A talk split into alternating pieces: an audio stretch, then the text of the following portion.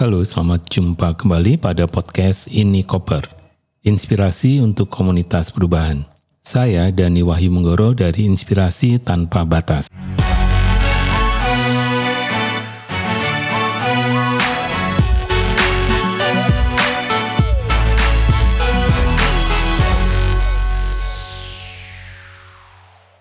Kali ini saya ingin berbagi ya tentang sebuah buku Sebenarnya ini buku lama dan ditulis oleh Jim Collins. Judulnya adalah Great by Choice. Buku ini lanjutan dari buku sebelumnya yang saya sempat menjadi acuan ya pada saat membantu banyak organisasi, yaitu judulnya Good to Great. Penulisnya sama. Idenya sebenarnya adalah bahwa dari hasil risetnya Jim Collins, ia menyatakan bahwa organisasi yang bagus saja itu tidak memadai pada saat menghadapi situasi saat ini. Bayangkan situasi saat ini adalah 15 tahun yang lalu. Menjadi baik saja tidak cukup menurut Jim Collins. Karena situasinya tidak tidak bisa di, diprediksi ya.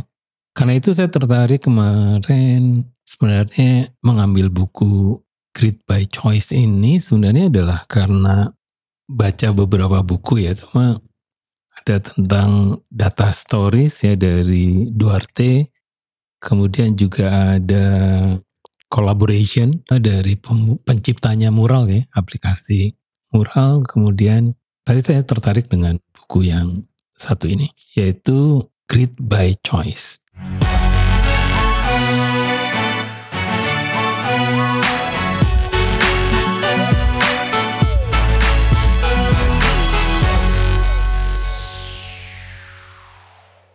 Bagaimana menjadi luar biasa itu karena dirancang, karena dipilih gitu. Menjadi luar biasa itu bukan karena kebetulan. Walaupun Jim Collins juga menyatakan sebenarnya ada faktor keberuntungan pada saat Anda mengelola sebuah organisasi. Tapi menurut Jim Collins yang disebut laki itu baik yang keren maupun yang buruk itu sama-sama bagaimana cara kita memanfaatkan situasi itu untuk menjadi grit tadi menjadi luar biasa. Jadi terpuruk pun itu bisa menjadi bibit untuk menjadi yang luar biasa. Ada sebenarnya tujuh, tujuh pemikirannya Jim Collins ya tentang bagaimana grit by choice ini. Saya akan mengambil beberapa yang menarik perhatian saya. Yang pertama, untuk menjadi grit itu harus punya ambisi. Dan ambisinya nggak bisa, saya ingin sama dengan mereka gitu. Atau saya ingin seperti mereka gitu nggak cukup. Menurut Jim Collins, dari hasil risetnya, bahwa rata-rata organisasi yang menjadi great itu punya ambisi menjadi 10 kali lebih baik dari organisasi yang lain. Ini yang menjadi pikirannya Jim Collins. Dan itu ada datanya ya, jadi menarik juga sebenarnya bagaimana kita berani punya ambisi untuk menjadi 10 kali lebih baik dari organisasi lainnya. Saya pernah mengalami cerita ya, mengalami satu peristiwa, ada sebuah organisasi yang benar-benar berpikir seperti itu. Padahal belum ada buku ini. Dan itu 10 tahun kemudian, apa yang menjadi cita-citanya pada saat itu mereka ingin agar organisasinya itu menjadi 10 dari 11 terbesar di Indonesia itu ingin menjadi tiga terbesar di Indonesia. Akhirnya terwujud dan saya salut dengan leadershipnya mereka. Bagaimana mereka mampu ya loncat menjadi tiga besar. Itu justru ya karena ambisi itu. Karena yang saya tahu sebenarnya leadershipnya juga berganti setelah ide itu dilempar. Itu yang pertama.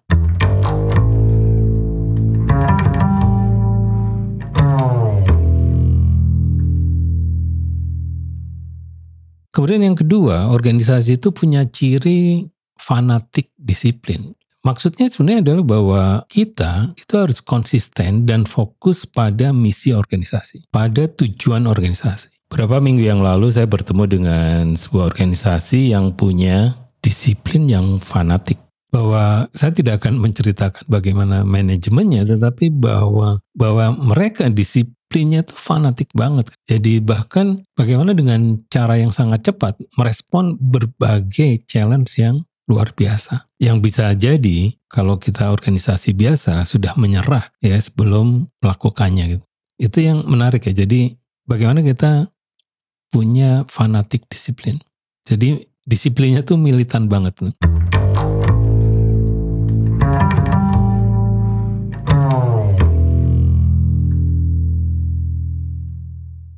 Nah yang ketiga yang ingin saya sampaikan sebenarnya adalah tentang yang disebut dengan empirical creativity.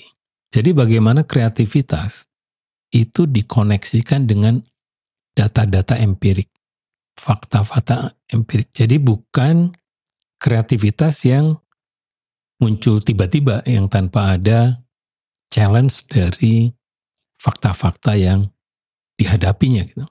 Karena itu fakta itu menjadi satu satu inspirasi untuk menemukan kreativitas-kreativitas yang luar biasa gitu. Jadi di sini sebenarnya yang menjadi menarik adalah bagaimana kreativitas itu dibangun dari data-data yang dimiliki dan menjadi concern dari organisasi itu. Itu yang ketiga.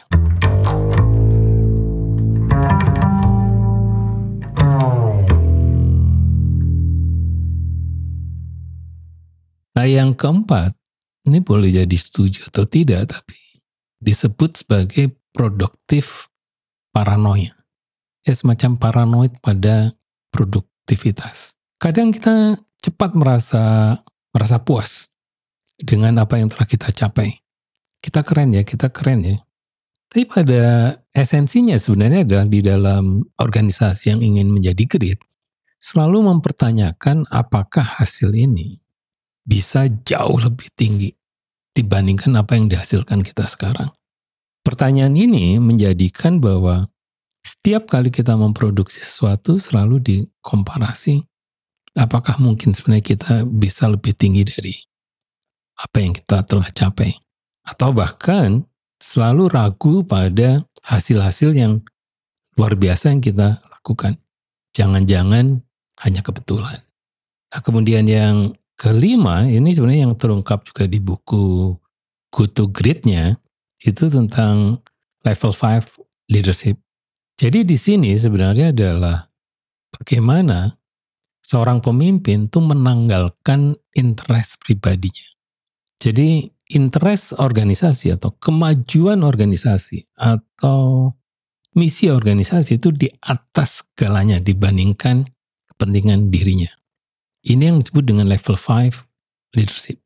Jadi dengan cara ini sebenarnya adalah kita bisa memastikan bahwa seorang pemimpin pada level ini telah melepaskan egonya. Nah yang keenam itu ada tawaran metode dari dari Jim Collins yaitu disebut SMC ya atau SMAC. Yang pertama itu spesifik, yang kedua metodik, dan yang ketiga adalah konsisten.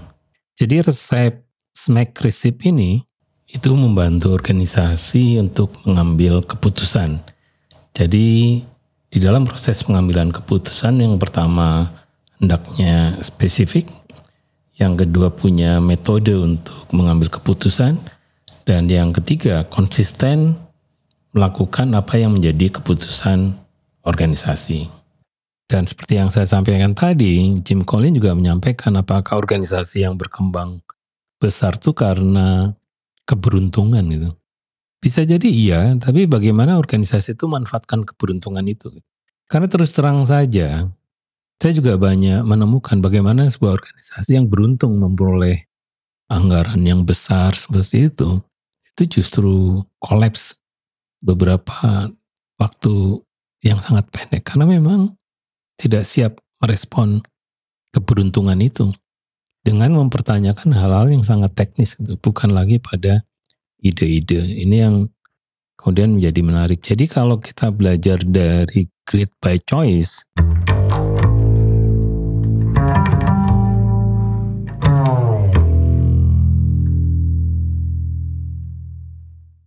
itu yang pertama adalah punya ambisi kurang-kurangnya menjadi 10 kali lebih baik dibandingkan organisasi lainnya.